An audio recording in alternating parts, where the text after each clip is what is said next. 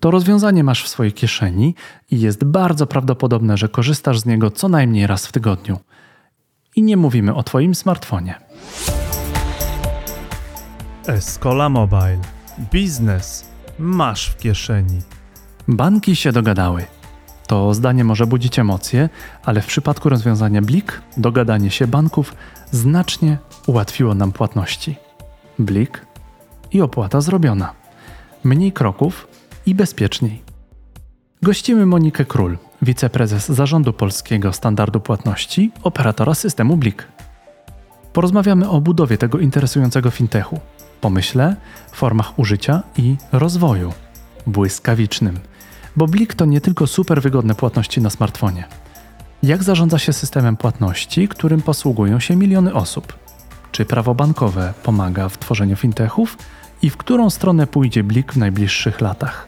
Jeśli chcesz stworzyć aplikację mobilną lub webową, zajrzyj na naszą stronę escola.pl i daj nam znać, jak możemy Ci pomóc. Zapraszamy do wysłuchania kolejnego odcinka podcastu Escola Mobile, bo w tym przypadku biznes na pewno masz w kieszeni. Dzień dobry, dzień dobry. To jest Escola Mobile Live. Słuchajcie, zbliżamy się już e, bardzo mocno, wielkimi krokami do nowego roku, a być może już słuchacie nas w nowym roku i pewnie zostawiliście trochę swoich pieniędzy na różne prezenty i być może część z tych pieniędzy zapłaciliście absolutnie genialną aplikacją Made in Poland o nazwie Blik. Słuchajcie, dzisiaj moją gościnią jest Monika Król. Cześć Monika. Witam wszystkich bardzo serdecznie. No to powiedz nam od początku o tym bliku, skąd się wziął pomysł na taką aplikację? Okej, okay, może na początek mała korekta. Blik to nie jest aplikacja, to jest jakby część składowa aplikacji bankowych, e, która jest tam mocno zakorzeniona, natomiast nie jest odrębną aplikacją. Natomiast początek Blika jest bardzo ciekawy e, i w sumie cały czas budzi zdziwienie u ekspertów z branży, z którymi mamy mm, do czynienia. W sumie trudno się temu nie dziwić ze względu na fakt, iż wiodące i na co dzień konkurujące ze sobą banki postanowiły powołać do życia wspólną inicjatywę, wspólny fintech.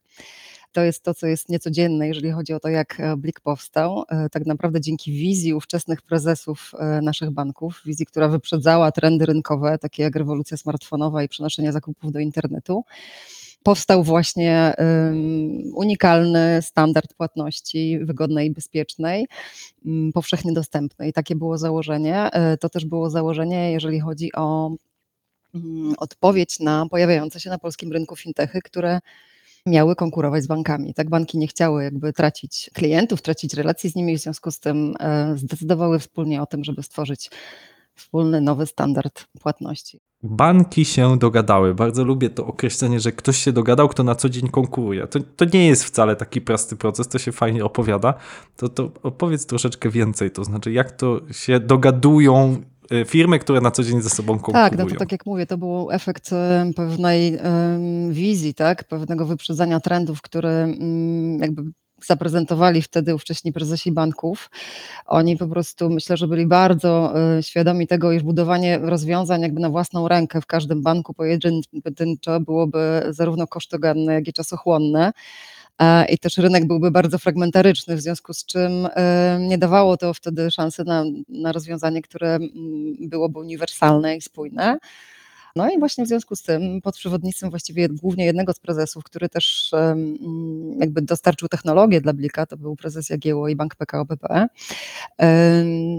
zostało to rozwiązanie stworzone wspólnie przez sześć banków, które nadal są udziałowcami.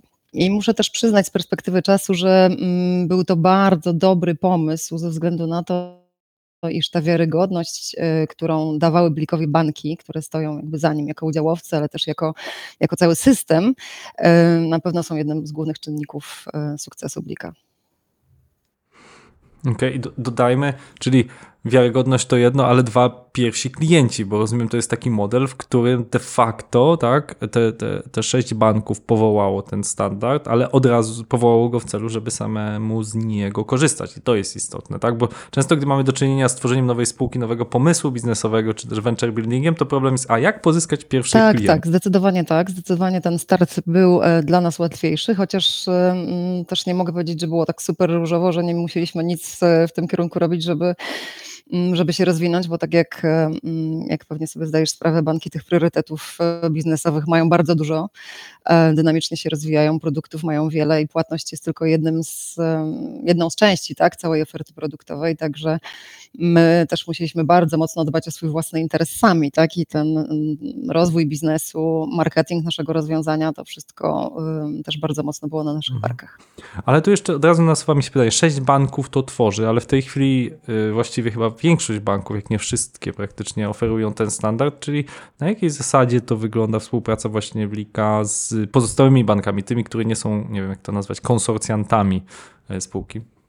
Tak, założeniem w ogóle Blika u powstania było to, że ma być to system powszechny, y, bo no, taki tylko miał szansę y, na powodzenie, tak, na, na szeroką skalę, na, na duże zasięgi, więc y, mamy rzeczywiście sześć banków udziałowców, od dwóch lat także udziałowca Mastercard. Natomiast system jest otwarty y, dla każdego uczestnika mm, rynku, także jakby wszystkie banki, które mm, są na polskim rynku w tej chwili również oferują Blika, nie będąc udziałowcami.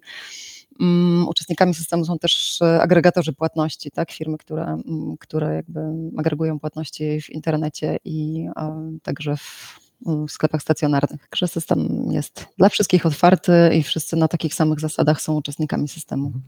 Słuchacze Escola Mobile oczywiście bardzo interesują aspekty takie mm, trochę techniczne, to znaczy tam mamy takie sześć cyfr, które się pojawiają i one są ważne, jeśli się nie mylę, przez dwie minuty. E, oczywiście próbowałem liczyć to prawdopodobieństwo, przygotowując się do audycji, jakby przechwycenia czyjejś transakcji. Wydaje się to niełatwe, ale jakbyś mogła powiedzieć parę słów, w jaki sposób możemy właśnie zagwarantować, że faktycznie nikt za nas nie wyciągnie pieniędzy z bankomatu.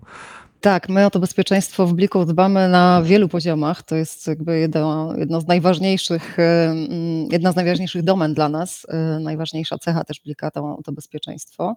I ta wielopoziomowość to jest z jednej strony oczywiście kwestia rozwiązań systemowych, które dbają o bezpieczeństwo Blika i to są zarówno nasze systemy, jak i systemy bankowe, które postrzegane są jako te najbardziej bezpieczne na rynku. E, Ale z drugiej strony też jakby mm, cały zakres działań edukacyjnych, tak, które, które mają na celu zarówno edukowanie y, uczestników naszego y, systemu mm, i ich pracowników, jak i e, użytkowników Blika y, w kwestii właśnie bezpieczeństwa i tego, jak funkcjonować w sieci, jak bezpiecznie zarządzać finansami płatnościami. Mm, I to jest dla nas bardzo istotne. I teraz wracając może jeszcze na chwilę do tej mm, pierwszej części, y, czyli y, systemowej, to tak jak powiedziałam, jesteśmy zintegrowani z systemem bankowym, jesteśmy integralną częścią, częścią aplikacji bankowej. Mm, Jak wiemy, bardzo dobrze chronione są aplikacje bankowe i aby dostać się do aplikacji bankowej, wykonać jakąś transakcję, na- najlepiej jest, i, i to jest też coś, w zakresie czego edukujemy naszych użytkowników, mieć zablokowany telefon, tak? To jest ten pierwszy poziom jakby bezpieczeństwa, czyli mm, nie mam telefonu takiego, którego nie muszę odblokowywać mm, kodem, tylko zawsze staram się ten, ten pierwszy etap weryfikacji sobie ustawić, czy to, mm, czy to jest kod, czy to jest biometria, mm, czy to jest odcisk palca, a później jeszcze jest oczywiście mm, login znany tylko nam do aplikacji bankowej. To jest ta kolejna rzecz. Dopiero wtedy możemy wygenerować ten dwuminutowy kod Blik. On nie bez przyczyny jest dwuminutowy właśnie po to, żeby też jakby, nawet jeżeli kogoś gdzieś tam ktoś miałby nam przez ramię podejrzeć, to on po prostu nie da się go wykorzystać długo, bo to jest tylko i wyłącznie dwie minuty. Po trzecie, jest jeszcze bardzo ważny krok, czyli mm, akceptacja transakcji w aplikacji bankowej. I my akceptując transakcję, widzimy jakby gdzie ona jest dokonywana, na jaką kwotę. I, I musimy również wybraną metodą autoryzacji, najczęściej PIN-em, taką, taką e, transakcję zatwierdzić. Także tych etapów, jakby, mm, które zapewniają bezpieczeństwo, jest e, kilka. I, mm, I z kolei teraz wracając do tej drugiej części, czyli do, do edukacji, to my bardzo zwracamy uwagę na to w naszej komunikacji marketingowej, w komunikacji w ogóle do rynku, że najsłabszym tak naprawdę ogniwem systemu jest człowiek. Myślę, że nie, nie ja pierwsza o tym mówię tutaj, jeżeli chodzi o bezpieczeństwo w sieci, cyberbezpieczeństwo, bo ludzie niestety są podatni tak, na, e, na wykorzystywanie ich danych, na podszywanie się pod kogoś, tak, na różnego rodzaju takie emocjonalne chwyty, które powodują, że dają się złapać, tak, i przekazują wrażliwe dane komuś, kto, kto jest do nich nieupoważniony, tak, więc my jakby bardzo mocno podkreślamy to, aby otrzymując, nie wiem, zapytanie od przyjaciela o pożyczenie pieniędzy, udostępnienie kodu Blik, żeby do niego zadzwonić, tak, zanim wyślemy mu ten kod tak po prostu w ciemno, tak, bo, bo bardzo często przejmowane są, nie wiem, profile na Facebooku czy, czy Instagramie właśnie po to, żeby wyłudzać później mm, pieniądze od użytkowników, tak, więc, więc po prostu bądźmy wyczuleni, tak, i to jest to, co mówimy naszym, naszym użytkownikom, bo system jest bezpieczny, ale człowiek ma wiadomo. Tak, tak to, to prawda, że właśnie Blik e, przez to, że ułatwił te transakcje w, sp w sposób znaczący, to też ni niestety jest mm, jakby cały ten mechanizm mi się wydaje jest bardziej podatny na socjotechniki właśnie przez to, że jest e, łatwe, tak? I, i, i faktycznie to, co mówisz, te wszystkie wyłudzenia głównie w tej chwili opierają się na socjotechniki. Dlaczego? Dlaczego, że właściwie to, że ludzie się boją, nie wiem, że ktoś im się włamie na konto bankowe, gdzie teraz chyba w dyrektywie PSD2, popraw mnie, bo pewnie jesteś bardziej zorientowana, chyba już wymagane jest ten dwuetapowa weryfikacja, czyli i musimy użyć loginu, hasła i potwierdzić to bądź SMS-em, bądź w aplikacji. Więc ktoś, przedstawmy sobie to w sposób praktyczny, ktoś musiałby nie tylko znać nasz login hasło, co się może zdarzyć, bo ludzie różne ustawiają loginy i hasła, gubią, zapisują na karteczce, przykleją te karteczki na monitorze, natomiast jednocześnie zgubienie telefonu, no to już by była duża nierozważność ze strony tej osoby. Co więcej, ten telefon, tak jak mówisz, właściwie musi już być, chyba większość producentów wymusza, by był zablokowany jakimś e, hasłem. Także jak to wszystko weźmiemy pod uwagę, to wydaje się bezpieczne. Natomiast e, to, co się dzieje, i o tym też e, rozmawiamy dużo na antenie Escola Mobile, że no, jesteśmy ludźmi i wierzymy w różne rzeczy i niestety nie wiemy, kto się tam kryje. Dlatego też mm, ważna jest bardzo ta współpraca pomiędzy uczestnikami tak, systemu. Ważna jest współpraca pomiędzy Blikiem a sprzedawcami. Tak. Nie wiem, no, mieliśmy y, wiele warsztatów, na przykład z Elixem, tak, który też boryka się z tym problemem wyłudzeń nieuczciwych tak, no, sprzedawców i kupujących. Warsztaty z Allegro, tak, no, regularnie jakby w cudzysłowie z bezpiecznikami banków też jakby mamy spotkania po to, żeby, mm, żeby no, minimalizować tak, te ryzyka, żeby identyfikować mm, nie wiem, źródła zagrożeń, y, współpracujemy z organami ścigania, tak, jakby ta współpraca sektorowa chyba w, tym, w tej domenie też jest super istotna, tak, poza edukacją szeroko pojętą. No masz rację, bo tu jest jeszcze jedno zagrożenie, chcę zatrzymać chwilę na tym temacie, bo wiele, wiele osób z nimi się styka i albo się styka w sposób prywatny, że jakby dostajemy te dziwne SMS-y z próbami wyłudzenia, czy wiadomości, ale też i od strony zawodowej, to znaczy są specjaliści, którzy starają się ten temat w jakiś sposób zaadresować. I co tutaj jest ważne, tak jak mówisz, współpraca, bo te dane gdzieś jednak przepływają, czyli można spróbować wykryć z jakiego numeru telefonu następują do wyłudzenia, z jakiego adresu IP, przez jakie kanały to dociera, czy w jakichś określonych porach i spróbować tą osobę po prostu wyśledzić. Nie oszukujmy się, nasze organy ścigania nie są przygotowane, jeżeli pójdziemy zgłosić to na policję, to nie liczmy, że e, trafimy na ekspertów od cyberbezpieczeństwa na komisariacie, którzy natychmiast wejdą w jakiś super system. Więc to oni już się mhm. pojawiają, ale oczywiście nie jest to jeszcze tak, że masowo oni są w stanie reagować tak na każde zgłoszenie. Mm, także to jeszcze pewnie troszkę zajmie i stąd jakby ta wspólna odpowiedzialność, takie na wielopoziomowe działanie ma tutaj to, mhm. to duże znaczenie. A, a, kolejnym socjotechnicznym problemem jest to, że to są zazwyczaj na tyle małe transakcje, że niestety ludzie mówią, a dobra, tam 300 zł straciłem, 100 zł, dobra, no jakby wstydzą się tego. Także kończąc ten wątek, słuchajcie, spróbujcie to, to zgłaszać czy do właśnie Allegro, Elixa i tak dalej. Mi się samemu nie, nie, tak dawno próbowano mnie schakować w przypadku konta bankowego, ponieważ jakby znałem do, dosyć dokładnie ten mechanizm, czyli próba wdzwaniania się z różnych telefonów, wyciągnięcia informacji, natychmiast zgłosiłem to do banku, podałem z jakiego numeru, tak dalej, więc te małe kroki sprawiają, że może uda się ten świat uczynić lepszym. Następny temat, o który chciałem Cię zapytać, to jest e, cała złożoność. W tej chwili mamy dyrektywę PSD2, i, e, ale rozumiem, Blik de facto powstał jeszcze wcześniej niż ta dyrektywa e, powstawała. Mamy, mamy pewne standardy i chciałem Cię zapytać właśnie, jak jest przenikanie się tego dosyć złożonego prawa bankowego na próbę stworzenia takiego innowacyjnego, no wówczas startupu, jakim jest Blik. Mhm. Myślę, że teraz jesteśmy w takiej rzeczywistości, że to otoczenie regulacyjne coraz bardziej wpływa na ten sektor innowacji finansowych, e, na ten obszar, w którym e, operują e, fintechy i jest to jakby myślę już w tej chwili powszechnie mm, akceptowane. Nie ma w tym nic dziwnego. Zresztą też wydaje mi się, że wyznacznikiem fintechowości nie jest jakby to, czy się podlega, czy nie podlega regulacjom, tak? tylko bardziej to, aby błyskawicznie odpowiadać na technologicznymi rozwiązaniami na pojawiające się potrzeby tak? na rynku usług finansowych, e, a regulacje są właśnie po to, żeby jakby zapewniać bezpieczeństwo tak, tego mm, funkcjonowania tego całego rynku. I teraz z punktu widzenia tego, gdzie jesteśmy, to y, obserwujemy jakby kilka trendów i, i ruchów w tym zakresie. Mm, stosunkowo niedawno została wprowadzona regulacja dotycząca, mm, nie wiem, przepisów outsourcingowych, tak, między innymi, która reguluje właśnie między innymi relacje banków z dostawcami technologii.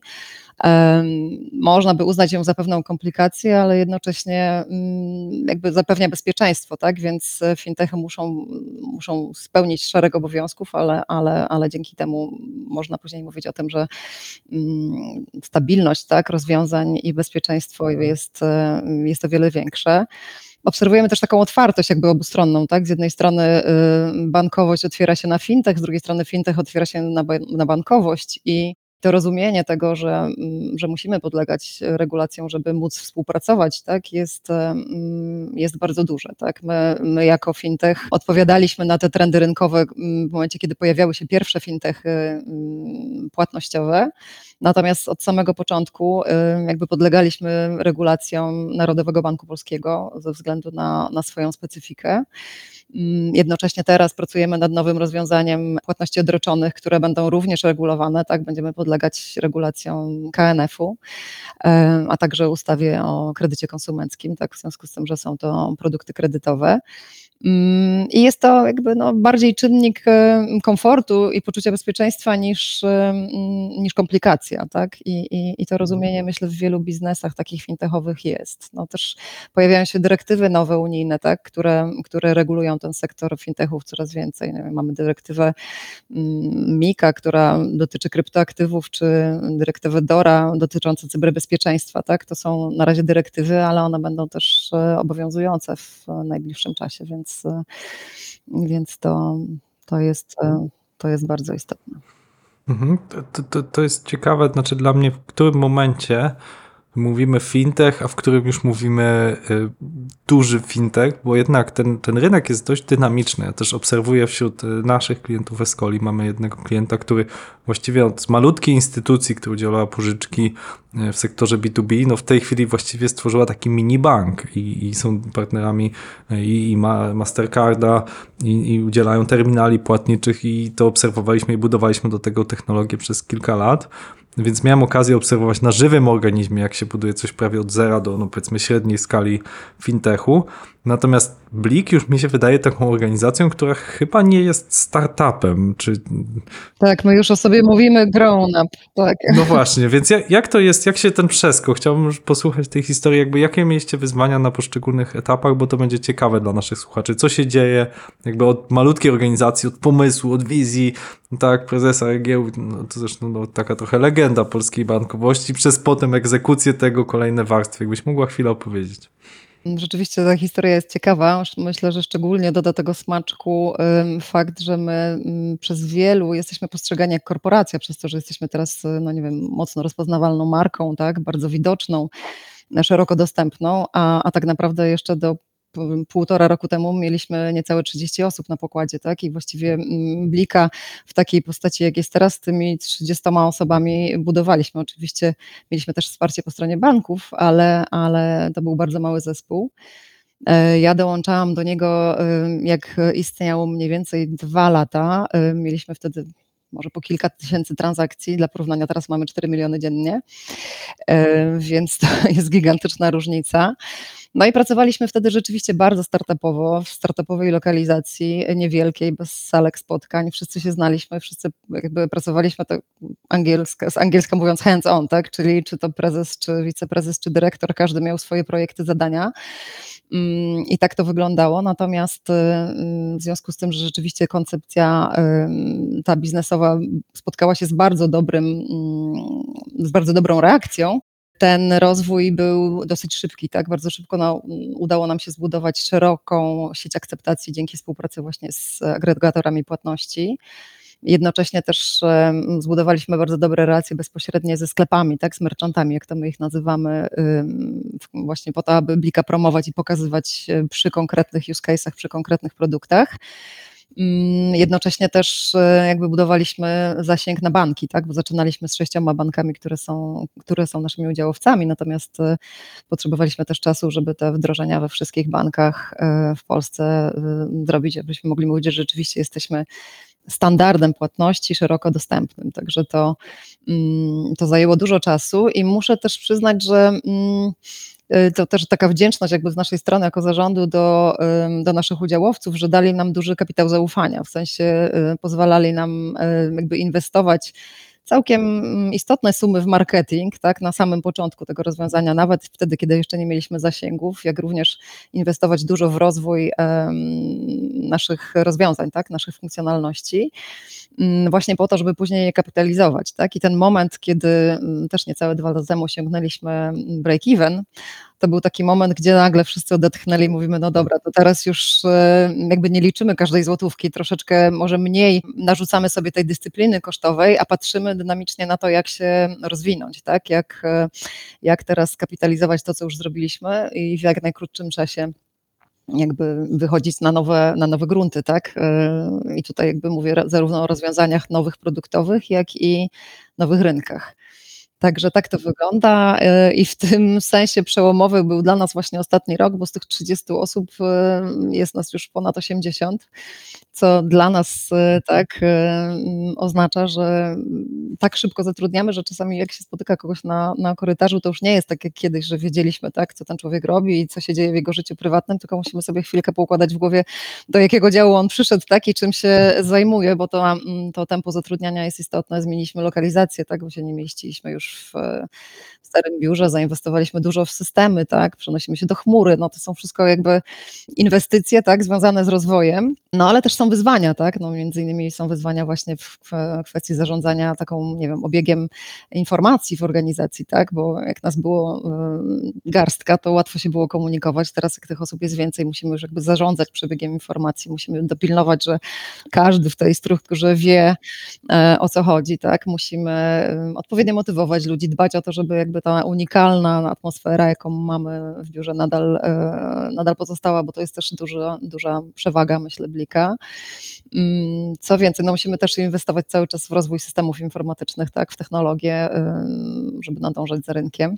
To tak chyba pokrótce mogłabym tak pewnie wymieniać i wymieniać. No, musimy optymalizować procesy, tak, formalizować je, tak bardziej korporacyjnie podchodzić do, do tego niż na samym początku. Tak jak opowiadasz, to, to jesteście organizacją, która jednak, rozumiem, głównie jest nastawiona na przychodzenie do biura, tak? Tak, tak to brzmi. Bardzo byśmy chcieli, żeby tak było, mhm. bo e, cenimy sobie właśnie te dobre relacje międzyludzkie. Jesteśmy świeżo po badaniu takim właśnie zaangażowania i motywacji pracowników. E, może się trochę pochwalę, ale mhm. bardzo dobrze wypadliśmy i zależy nam mhm. na tym, żeby, żeby to utrzymać, tak? żeby, żeby rzeczywiście pracownicy nasi byli zadowoleni z miejsca, w którym pracują, chcieli tu pracować, no ale też żeby się znali, tak? bo jak zatrudniamy ich tak szybko, a jeszcze do tego pracujemy w trybie hybrydowym, bo w takim jesteśmy obecnie, no to ciężko tych ludzi po prostu ze sobą e, zgrać, tak? Oni, oni się właściwie nie widują, tak? Więc, e, więc to jest wyzwanie, tak? Jakby nakładające się na wzrost szybkiej organizacji, jak w tym nowym, w tej nowej rzeczywistości biznesowej, hybrydowej mm, integrować no, zespół. No dokładnie, to, to, to, to to rozumiem, jedna rzecz to przychodzenie do biura, ale to rozumiem jest taka, taka ciekawostka właśnie, jak sprawić, żeby e, nie zrobić sobie w jednej organizacji dwóch organizacji, tak? Tej organizacji, która właśnie to założyła, są ci, którzy tam te 30 osób tam walczyli nad tymi pierwszymi systemami, no ale tak jak mówisz, pojawiają się nowe wyzwania, przeniesienie do chmury, chciałem o to właśnie zapytać, ale, ale już powiedziałaś, że, że to się w tym momencie dzieje, czyli trzeba specjalistów od tego zatrudnić, tak? Trzeba nowe osoby. I jak, jaki jest e, twój sposób na właśnie inkorporowanie tej super atmosfery na rosnące potrzeby? Macie, macie jakieś, nie wiem, właśnie nie wiem, spotkania, integracje co tydzień, nie wiem. Staramy się wielowątkowo to robić i, i tak właśnie ym, po ludzku, tak? No między innymi ym, rozrastamy się, tak jak mówiłam, ym, jeżeli chodzi o biuro, tak? I powierzchnię biurową, właściwie to, co wynajęliśmy, już musieliśmy donajmować powierzchni, żeby żeby się zmieścić, ale w związku z tym jakby zorganizowaliśmy serię parapetówek, tak, e, które, e, które były jakby związane z tym, że określone departamenty, działy przeprowadzały się z jednego miejsca w biurze do drugiego, tak, i, i w takiej zupełnie nieformalnej mm, atmosferze robiliśmy sobie jakby po, po godzinach pracy imprezy, no to takie standardowe parapetówki, e, więc, więc dokładaliśmy po prostu takiego zupełnie miękkiego na luzie, tak, elementu do, do, do tej kwestii jakby zmian organizacyjnych organizacyjnych w biurze.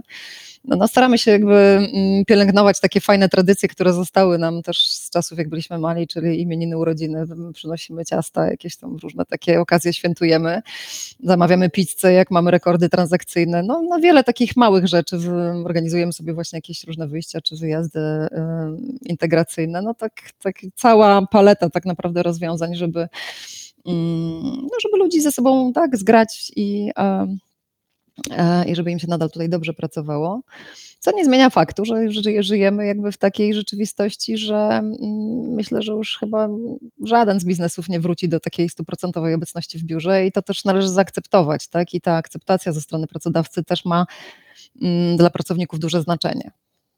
W sensie, że to jest już teraz postrzegana jako jeden ze standardów, tak, jeżeli chodzi o, o formę zatrudnienia że ta praca jest hybrydowa, że jest możliwość zdalności, że jest pewna dowolność w tym i to nam też wyszło w tym badaniu właśnie a propos tego, co robimy jako pracodawca, to też między innymi po to właśnie zrobiliśmy to badanie, żeby się dowiedzieć, tak, gdzie jesteśmy, czy ten szybki wzrost, tak, te 50 osób w ciągu roku, to, mm, to nam jakoś nie zaszkodziło w kontekście tej atmosfery, tego starego versus nowy zespół.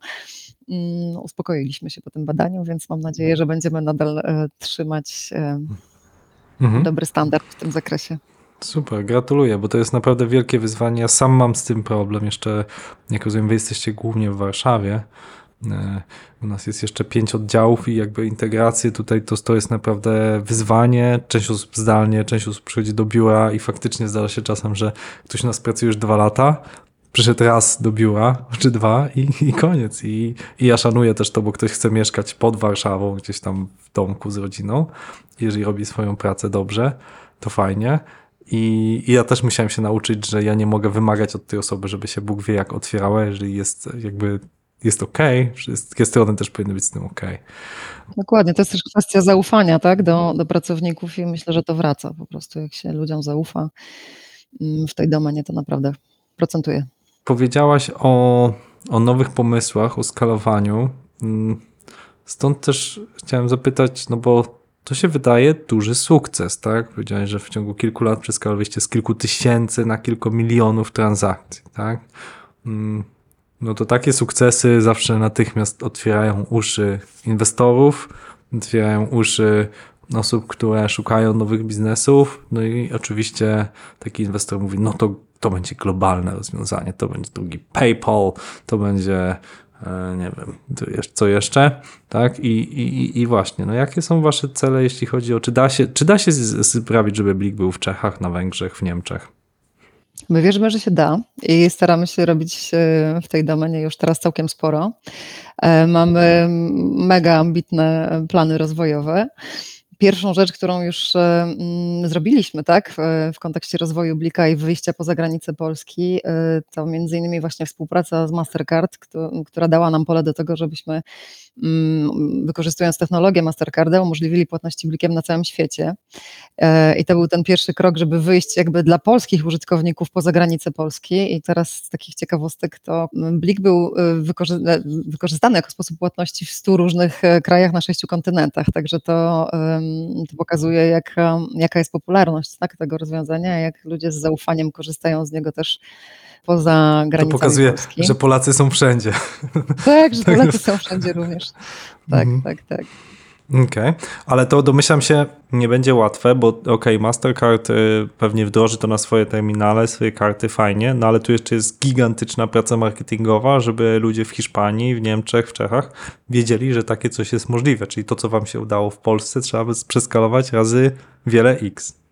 Tak, tak. No to już jest kolejny e, e, etap, tak, e, o którym też rozmawiamy, nad którym myślimy. Jakby wykonaliśmy pierwszy krok.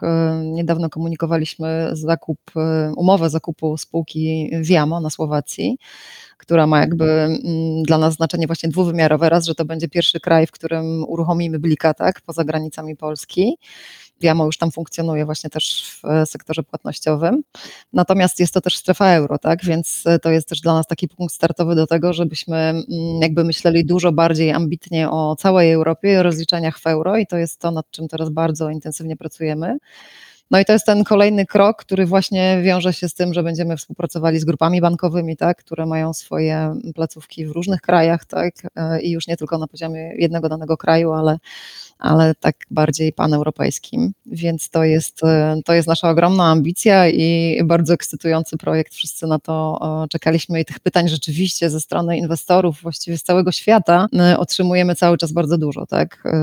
Jeżeli chodzi o eksportowanie naszej technologii, rozwiązań, no nie wiem, nawet tak abstrakcyjnych kierunków jak e, kraje afrykańskie, tak, które są bardzo mobilnie rozwinięte. Mm, więc, e, więc wiele rozmów się toczy. Będziemy pewnie w odpowiednim czasie komunikować o naszych kolejnych krokach w tym temacie. Powiedz Monika właśnie, czy, czy ta plan ekspansji będzie się odbywał na zasadzie jakiegoś licencjonowania technologii długofalowo, czy raczej, że właśnie chcecie kraj po kraju, czy po rynkach raczej samodzielnie to robić? Nie zamykamy się na jeden model współpracy. Jakby mm, wiadomo, że ten, który tutaj mieliśmy w Polsce, był bardzo efektywny, tak? Natomiast on był efektywny 10 lat temu, e, a rynek poszedł w tym czasie mm, bardzo do przodu i też jakby inna jest rzeczywistość i, i ciężko mówić o tym, żebyśmy dokładnie ten sam model stosowali wszędzie. Więc te możliwości współpracy i rozwoju Blika są różne, tak? To mogą być JV, to może być licencja, y, to w zależności od tego, mm, jakby gdzie i z kim rozmawiamy. Także jest duża otwartość po naszej stronie na, na różnego rodzaju rozwiązania. Mhm, to może ciekawe, bo domyślam się, że da się to tego typu technologie i licencjonować, czy zrobić e, joint venture, tak jak mówisz. Natomiast pewnie i, i właśnie każda, mm, każdy ma swój specjalny sos do pizzy E, który czyni go, czyni ją unikalnym i domyślam się, że w Bliku, mimo że ta technologia pewnie da się ją opisać e, odtwórczo, to jest tam parę takich smaczków, które właśnie czynią go unikalnym, co działa i co nie działa i co zajęło dekadę, żeby ją udoskonalić. Chcę zapytać jeszcze o jedno. Powiedziałeś dużo o mobile, że właśnie to może być wielka szansa dla krajów, które ominęły rewolucję webową, jak kraj afrykański i poszły w mobile. My jesteśmy w audycji Escola Mobile i dużo o to nas e, e, słuchaczy pytało, jedząc w naszej rozmowie, czy w tej chwili wasz ruch dominujący to jest właśnie mobilny i czy masz jakieś takie proporcje ruchu, czy, czy to jest jakby większość, duża większość? Tak, tak, tak. Zdecydowanie tak. E, ja może zacznę od tego, jak to wygląda z poziomu e, aplikacji bankowych, tak? bo tam, tam Blik się znajduje. Mamy ich teraz zarejestrowanych ponad 20 milionów w Polsce, z czego uwaga, aż 12 milionów to są użytkownicy mobile only, czyli tacy, którzy jakby bankują przez komórkę. To bardzo dużo tak, bo to jakby zmienia totalnie e, model funkcjonowania bankowości i to jest ta pierwsza cyfra, o której pewnie należy tutaj wspomnieć. Mniej więcej pokrywa się też ona z użytkownikami Blika, bo mamy ich też ponad 12 e, milionów w tej chwili, więc e, można by przypuszczać, że mniej więcej ta grupa Mobile Only pokrywa się też z użytkownikami Blika. To jest jakby jedna rzecz. Druga rzecz jest taka, że jakby najbardziej popularnym kanałem wykorzystania Blika jest właśnie e-commerce. Blik w tej chwili w e-commerce według naszych szacunków ma udział między 60 a 78% w zależności od tego, o jakim partnerze mówimy, więc to jest gigantyczny udział. Wyprzedziliśmy karty, wyprzedziliśmy gotówkę, wyprzedziliśmy pay by linki i, e, i tych płatności jest tam bardzo dużo. Mm, I teraz z tych 70-80% rynku, mniej więcej 60% e, użytkowników kupuje właśnie przez telefon więc to jest e, bardzo dużo. To oczywiście też e, jakby wejść w szczegóły, których, których ja tutaj tak z głowy nie przywołam, zależy to od, od merchanta, tak, od sklepu. No, w jednym sklepie jest to więcej, w drugim jest to mniej, bo to trochę jest specyfika też produktów, jakie kupujemy, tak, i kwot, jakie, jakie na nie wydajemy. Natomiast no, można ogólnie powiedzieć, że około 60% tych transakcji jest realizowanych e, na telefonach. Ale to, to, jest, To. To jest, jest niesamowite dla mnie. Jakoś byłem przekonany, że jednak nadal dominują albo karty, albo te takie szybkie przelewy w e-commerce, a Blik raczej jest używany do płatności, do wybierania gotówki z bankomatu i tak dalej. A tu mnie zupełnie zaskoczyłeś, że cię Zdecydowanie nie. Tak, y, jak Blik powstawał, to rzeczywiście był, był taki pomysł, że to będzie głównie rozwiązanie do płacenia właśnie w sieci stacjonarnej do używania w bankomatach, jak się później okazało bardzo szybko, w związku z tym, że szybko rósł, rósł ten rynek e-commerce tak, i cała mobilność, to to rozwiązanie po prostu idealnie wpasowało się tak, w te rosnące potrzeby na szybkie transakcje zakupowe, a jednocześnie też szybkie płatności, tak, żeby cały ten proces był taki mm, no, jak najkrótszy, jak Wygodny. najprostszy. Mhm. Tak, tak Mhm. dokładnie. Szybko, prosto, wygodnie, jeszcze Mhm. do tego bezpiecznie, więc e, Mhm.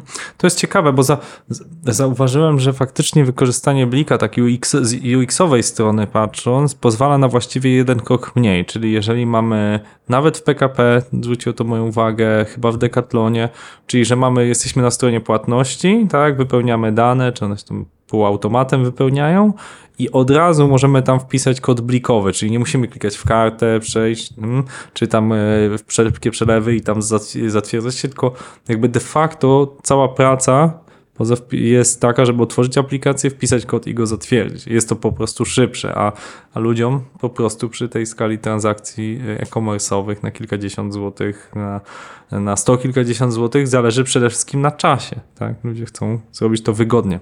Tak, ale jest jeszcze też druga strona obrazu, czyli y, sprzedawca, tak? Jemu też zależy na tym, żeby, żeby te transakcje jak najszybciej y, doprowadzić do końca, tak? I żeby ta płatność przebiegła szybko, ym, skutecznie, y, tak? Żeby klient w międzyczasie się nie wycofał, tak? I tutaj też mamy bardzo fajne doświadczenia i też pracujemy jakby z, ze sprzedawcami nad tym, żeby poprawiać ten UX y, Blika, bo to podnosi konwersję. To jest e, takie najbardziej chyba odczuwalne dla biznesów, tak, e-commerce'owych właśnie, e, jak, jak, jak płatność i jej odpowiednie wdrożenie może poprawić e, flow transakcji zakupowej, tak, to jest, to jest super istotne.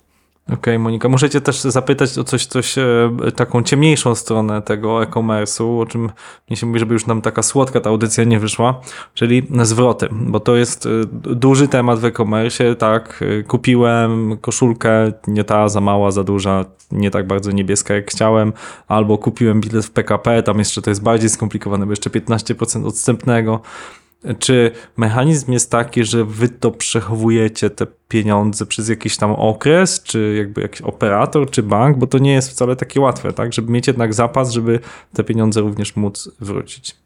No to jest jakby cała ideologia funkcjonowania systemu i schematu płatności, tak? Natomiast my pieniędzy nie przechowujemy, jesteśmy jakby tylko pośrednikiem, tak? Pomiędzy sprzedawcą a bankiem, y, jeszcze z, jakby z uwzględnieniem agenta y, rozliczeniowego po drodze, y, żeby ten cały proces jakby przebiegał jak najbardziej płynnie i bez jakiejś czkawki po drodze. Natomiast no wiadomo, że zwroty są ym, tym, co być może trochę komplikuje tak, proces, natomiast są już tak jakby wpisane w DNA tych transakcji e-commerce'owych, że, że te procesy dotyczące zwrotów i ich rozliczeń no tak samo jakby płynnie działają jak, jak sama płatność. No właśnie, chciałbym jeszcze wrócić do tematu mm, dalszego rozwoju. Rozmawialiśmy o zagranicy, wspomniałeś o kilku funkcjach, nad którymi teraz pracujecie, czyli tak, raty, odraczanie płatności. Czego możemy się spodziewać w najbliższych dwóch, trzech latach z waszej strony? Tak, to rzeczywiście o jednym chyba najważniejszym produkcie powiedziałam, to są płatności odroczone. Y, to jest też nasza odpowiedź na to, co się już dzieje na rynku, y, bo już możemy obserwować rosnącą popularność y, płatności odroczonych i z najnowszych badań y, wiemy, że klienci polscy są otwarci na te rozwiązania, wiedzą jak to działa i korzystają z nich nawet chętniej niż z kart kredytowych. Pewnie wynika to głównie z tego, że mm, jest dużo większa transparentność, jeżeli chodzi o koszty tak, takich, e, takich transakcji, więc my również chcemy taki produkt dostarczyć. Mm, Ten produkt ma mieć e, ten blikowy UX, czyli ma być super prosty, szybki i, i czytelny i spójny, tak jakby na, na każdym etapie tej transakcji transakcji w każdym banku. Teraz jesteśmy na etapie testów y, z wybraną grupą klientów Banku Millennium, natomiast plan jest oczywiście taki, że po testach, po udoskonaleniu usługi będziemy ją y, wdrażać w kolejnych, y, w kolejnych bankach, tak żeby jak najszybciej mieć też szeroki zasięg do tej usługi. Także to jest, to jest taka, taka chyba najnowsza nasza funkcjonalność, o której mówimy. Cały czas wspieramy jeszcze płatności zbliżeniowe Tutaj głównie budujemy jakby transakcyjność, bo dostępność usługi jest już e, zagwarantowana, natomiast e, edukujemy naszych użytkowników, że nie muszą już płacić właśnie z wykorzystaniem kodu, tylko y, mogą płacić teraz bikiem zbliżeniowo. Zatrzymaj się, bo ja szczerze mówiąc tego nie znam. To znaczy, no bo tak to zbliżamy kartę, a tutaj co zbliżamy? Właśnie aplikację bankową i, i co potem się dzieje? Zbliżamy telefon. Odblokowujemy telefon i zbliżamy go do, do terminala i, tak następuje płatność blikiem. I wpisujemy kod jakiś kart wtedy, czy po prostu logujemy się do aplikacji bankowej, tak? Żeby potwierdzić transakcję, tak. Tak, tak, tak. Także nasza komunikacja marketingowa odblokuj i zbliż to, to jest, tak, jest to oczywiście możliwe dzięki technologii Mastercarda, natomiast nie ma tam w tle e, karty kredytowej, tak? Jest tylko i wyłącznie kwestia mm, technologiczna.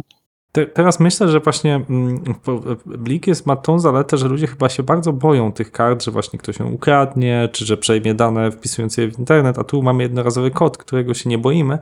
Wiem, że wystawcy kart, choćby Revolut, próbowali e, to rozwiązać, żeby tworzyć karty wirtualne i tak dalej, ale chyba to się tak bardzo nie przyjęło. Tutaj czujemy, że ten kod jest, jest bezpieczniejszy. Tak, dokładnie tak. To jakby ta bariera mm, w przekazywaniu danych, tak, y, jest y, dosyć duża i to myślę, że dzięki temu właśnie Blik też y, wygrał, tak, jeżeli chodzi o te swoje udziały rynkowe mm, z takimi tradycyjnymi bardziej metodami płatności. Ale powiem jeszcze może o, o kilku rozwiązaniach, bo, bo, nie dokończyłam a propos tego, co, co, co, się u nas jeszcze dzieje. E, pracujemy też nad płatnościami powtarzalnymi. One są jakby super istotne też dla nas e, w kontekście ułatwiania życia użytkownikom, no, chociażby przy takich usługach jak Netflix, tak? gdzie nie chcemy, żeby płacić co miesiąc za, za usługę, tylko, tylko żeby to się działo gdzieś tam w tle. Więc ta płatność powtarzalna, tak samo jak za, za rachunki, tak? za energię, e, wodę, to, to jest coś, co, co będzie możliwe dzięki płatnościom powtarzalnym Blik. Ale też mamy no, nowość, o której będziemy pewnie mówić więcej e, w pierwszym kwartale. E, to jest e, bardzo szeroka już w tej chwili współpraca, intensywnie dziejące się projekty z sektorem administracji publicznej bo bardzo zależy nam na tym, żebyśmy mogli też jakby mm, za podatki czy składki płacić blikiem. Więc to jest to, o czym będziemy się, mam nadzieję, mogli pochwalić w najbliższym, w najbliższym czasie. Mhm. To, to, to, co mówisz, czyli płatności jakieś takie rekurencyjne, powtarzalne, to, to nie jest takie proste, bo to rozumiem będzie działało jak um, takie zlecenie stałe w banku, tak? Czyli, że raz się tak. autoryzujemy, a w przypadku, jeżeli zmiennych płatności, tak jak mówisz, za prąd czy za podatki, to będzie musiało dać jakąś informację poprzez system bankowy, że to w tym miesiącu płacisz 300 zł ZUS-u, a w kolejnym 350 i i on jakby sam musi zaciągnąć wtedy te dane i się sam zautoryzować. To nie jest już takie proste technologicznie. Tak, ale z punktu widzenia użytkownika ma to wyglądać tak, że jest to, mm, że będzie to zarządzane z poziomu aplikacji bankowej, gdzie będziemy mieć po prostu listę płatności powtarzalnych i gdzie ewentualnie będziemy autoryzować tak, y, inną kwotę niż ta, y, niż ta standardowa, tak? Więc y, będziemy mogli w każdym momencie też wyłączyć albo włączyć to, to w cudzysłowie zlecenie stałe, tak? Nie ma konieczności wtedy wypełniania jakichś dokumentów, wchodzenia do oddziałów i innych rzeczy, które gdzieś tam nam w głowie się pojawiają, jak myślimy o, o zleceniu stałym, tak? To to zupełnie inaczej będzie mm, wyglądało. To działa już w dwóch bankach, no ale mam nadzieję, że e, w najbliższym czasie uda nam się to też wdrożyć w pozostałych. Mhm. Monika, muszę Cię zapytać też o taką część biznesową, bo mm, wiemy, że operatorzy kart zarabiają, e, czy bramek płatności na jakimś niewielkim procencie od, e, od danej transakcji. Była zresztą w Polsce duża dyskusja, że te, te, te wartości przy płaceniu kartą i tak dalej są dość duże. E, więc chciałem zapytać, czy byś powiedziała, jaki jest model biznesowy Blika, bo ja tego jako konsument nie odczuwam, więc kto za to płaci? Merchant czy ktoś jeszcze? Jakbyś mogła o tym opowiedzieć? No to wygląda jakby podobnie do tego, jak funkcjonuje rynek, tak? Te opłaty są rzeczywiście, nie są przenoszone na klienta i to jest e, pewnie e, duży plus, natomiast e, zarówno po stronie merchanta, jak i banku są opłaty za to, że jakby funkcjonują w systemie, który, który my koordynujemy i rozliczamy, tak? Więc Więc tak, tak, to, tak to funkcjonuje. My też jakby do niedawna byliśmy jedną z najtańszych, nadal jesteśmy najtańszą metodą płatności dla merchantów właśnie. Natomiast w związku z tym, że już mamy pełen standard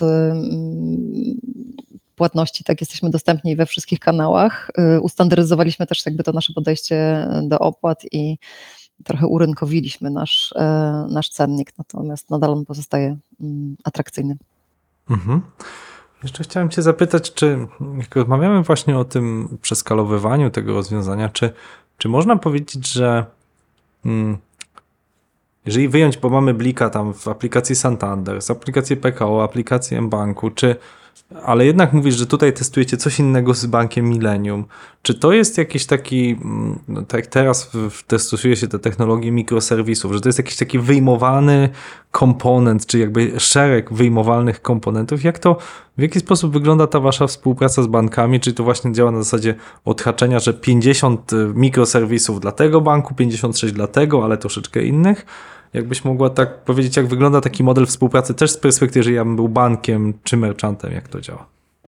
Tak, to sercem Blika jest system autoryzacyjny i rozliczeniowy, który funkcjonuje w ramach naszej centralnej infrastruktury, właśnie w polskim standardzie płatności, który jest operatorem Blika.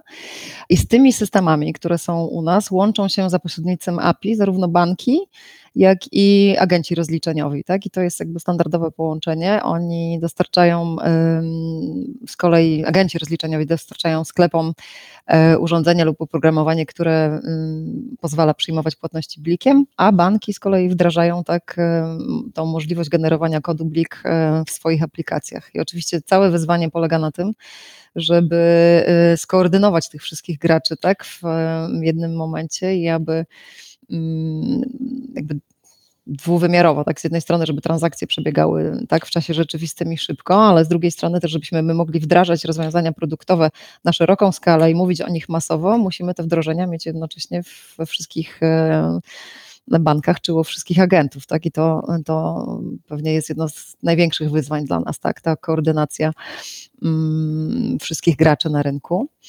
Także, e, także tak to wygląda. Wspominałam też wcześniej o tym, że jakby my jesteśmy pośrednikiem tak, między bankiem a, mm, a merchantem i agentem, który, który te płatności e, agreguje z rynku.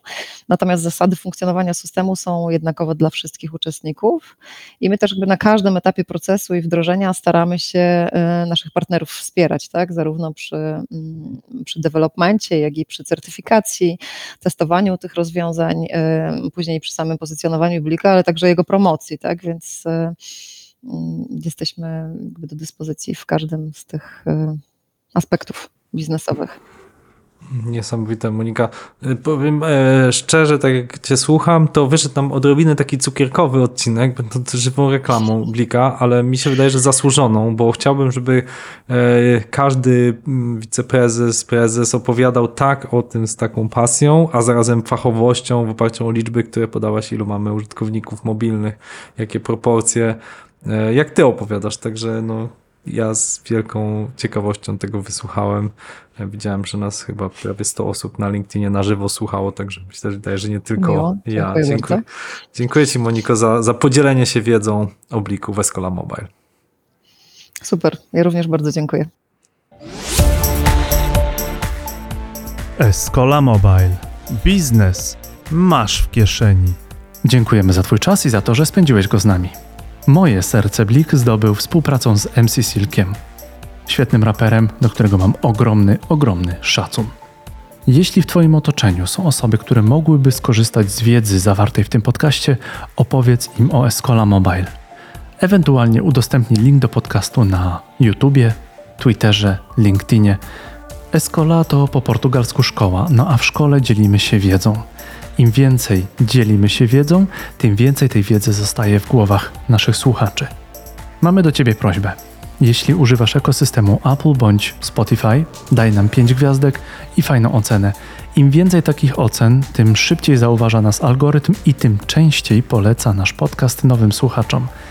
Dzięki, że jesteś z nami przez te 132 odcinki. Gościliśmy Monikę Król, wiceprezes zarządu Polskiego Standardu Płatności, operatora systemu Blik. Do usłyszenia.